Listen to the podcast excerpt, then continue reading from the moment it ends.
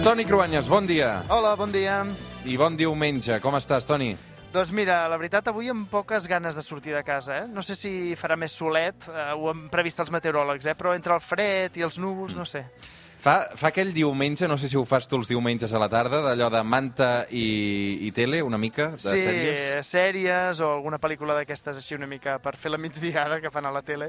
Mira, però hi ha una pel·li que tinc moltes ganes de veure, que han estrenat als cines ara, i si aconsegueixo quadrar una cangur pels nens amb el confinament municipal i, i tot el tema d'horari de toc de queda, m'agradaria anar al cine, presencial. Al cine? Sí, sí, Molt sí. bé. Home, ja, ja toca, perquè després de tot el que hem hagut d'aguantar... Um, suposo que anar al cine tenint criatures petites deu ser heroic, pràcticament, Sí, eh? sí, és que des d'aquests pare o mare, al cine ja només vas a veure pel·lícules de dibuixos animats, dels Minions o de Disney, però... Però has tornat al teatre aquests dies, no per això? Sí, però bueno, també infantil. Vaig anar... Ah, també infantil, eh? També infantil, vaig anar a veure el Màgic 2. Recomano molt el Màgic 2, però si vas amb, amb canalla, millor.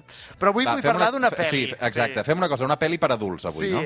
perquè han reestrenat El Padrino 3 i, mira, jo sóc molt fan de la saga, del director, Francis Ford Coppola, i ara ha corregit part d'aquesta tercera part que eh, la majoria de crítics sempre han donat com, com si fos dolenta, no? poc digna de les dues pel·lícules originals, amb Marlon Brando, Al Pacino, Diane Keaton, un clàssic del cinema, una obra mestra, vaja.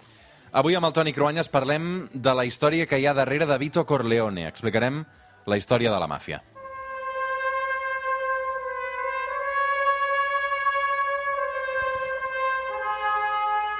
Tots tenim present una certa idea de la màfia vinculada a aquesta pel·lícula. La màfia no es va crear als anys 50 a Nova York, sinó que ens hem de remuntar molt, molt abans. Ve de Sicília, Toni. molt abans del tràfic de cocaïna i d'aquelles armes automàtiques que sortien a la pel·lícula, també d'aquests gustos de nous rics americans, dels protagonistes del Padrino. No, la màfia té els orígens al segle XVIII amb els Beati Paoli, que era una societat secreta que lluitava contra els abusos dels nobles i a favor dels pagesos i de la població en general. I és que tradicionalment Sicília ha estat molt mal governada, sempre depenent de potències estrangeres que no hi han invertit o que no han estructurat un govern eficaç. I en això també ho hem de dir, eh, en tenim culpa els catalans, que Sicília va formar part de la corona catalana aragonesa al segle XIII i aquell període no va deixar molt bon record entre els sicilians.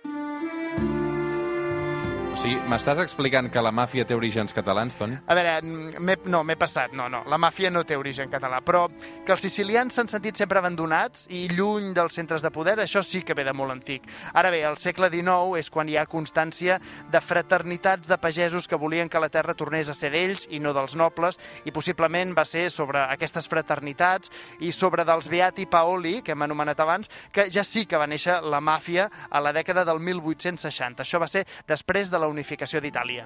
O sigui que va néixer d'alguna manera com una resposta política contra el centralisme de Roma. Sí, el que està comprovat és que entre les ciutats de Palerm, Trapani i Agrigento hi havia molta delinqüència, amb gent que robava fruits, robava bestiar de petits propietaris i pagesos. Com que l'autoritat oficial era inexistent o estava molt lluny, a Roma, els pagesos afectats pels robatoris van començar a acudir als caps de les famílies, dels clans, que amb homes forts castigaven els delinqüents i tornaven o recompraven el bestiar. Quan ho tornaven els propietaris inicials, els pagaven uns diners que, mica en mica, van convertir-se en una mena de quota o una mena de pòlissa d'assegurances.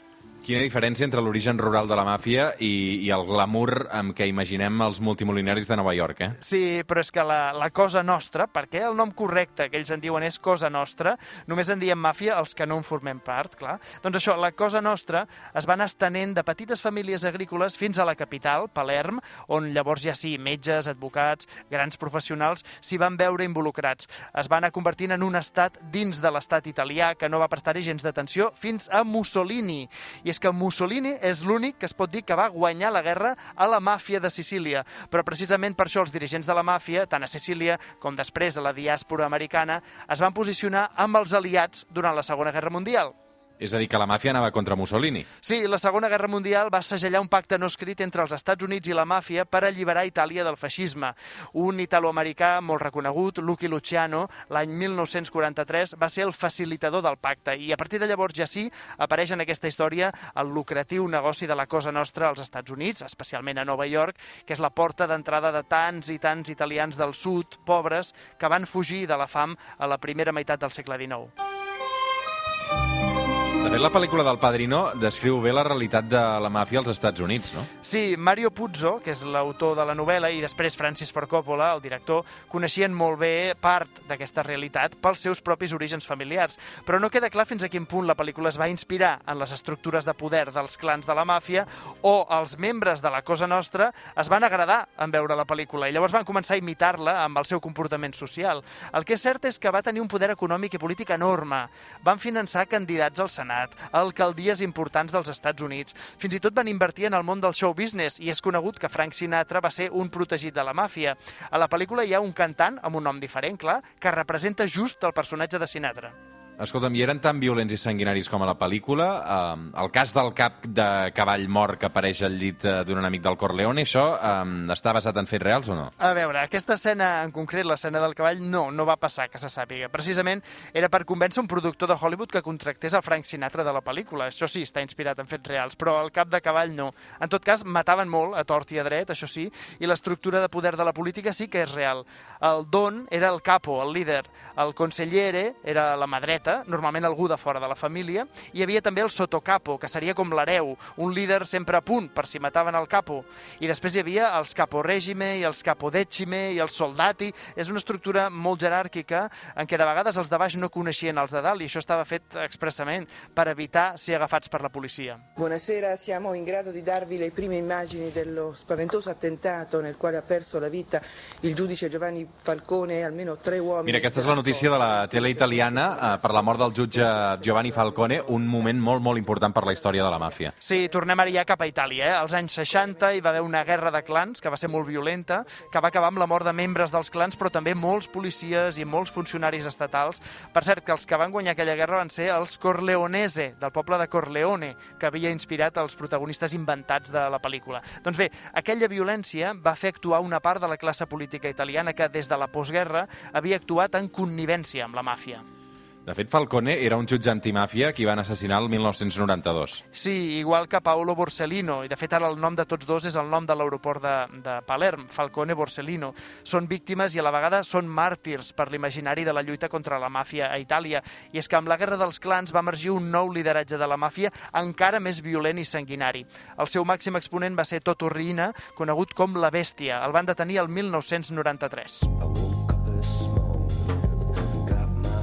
Avui una història apassionant, eh, una altra història del Toni Cruanyes, eh, explicant-nos eh, l'origen de la màfia. Arribarem a les 9 del matí, amb, ja que parlàvem de pel·lis i sobretot de sèries, la sèrie per excel·lència de la màfia de Nova York, que és eh, aquesta sintonia mi ama boca, eh, el soprano amb aquell actor tan, tan, tan, tan fantàstic que va morir fa uns anys, eh? Sí, sí, realment és el Toni Soprano, el protagonista. Soprano, sí, el és el, protagonista. el protagonista que anava al psicòleg, un, un, imaginem un, un cap mafiós anant al psicòleg pels seus problemes. Escolta, m'ho deixem aquí, però el tema dona per molt i prometo que un altre dia parlarem de la camorra, de l'andregueta, de la relació de la màfia italiana amb la irlandesa, amb el narcotraficat llatí als Estats Units. Això dona per molt, però un altre dia. James Gandolfini, no em sortia el nom. James Gandolfini, és Ah, l'actor de- del, del Toni Soprano. Sí, sí, boníssim, boníssim. En pau descansi perquè va morir eh, de manera molt prematura fa uns anys, perquè crec que no portava gaire bona vida però un actor fantàstic. Uh, Toni Cruanyes, meravellós, que tinguis molt bon diumenge i ànims aquesta tarda si tens la sort de poder anar al cine. Vinga, que vagi bé.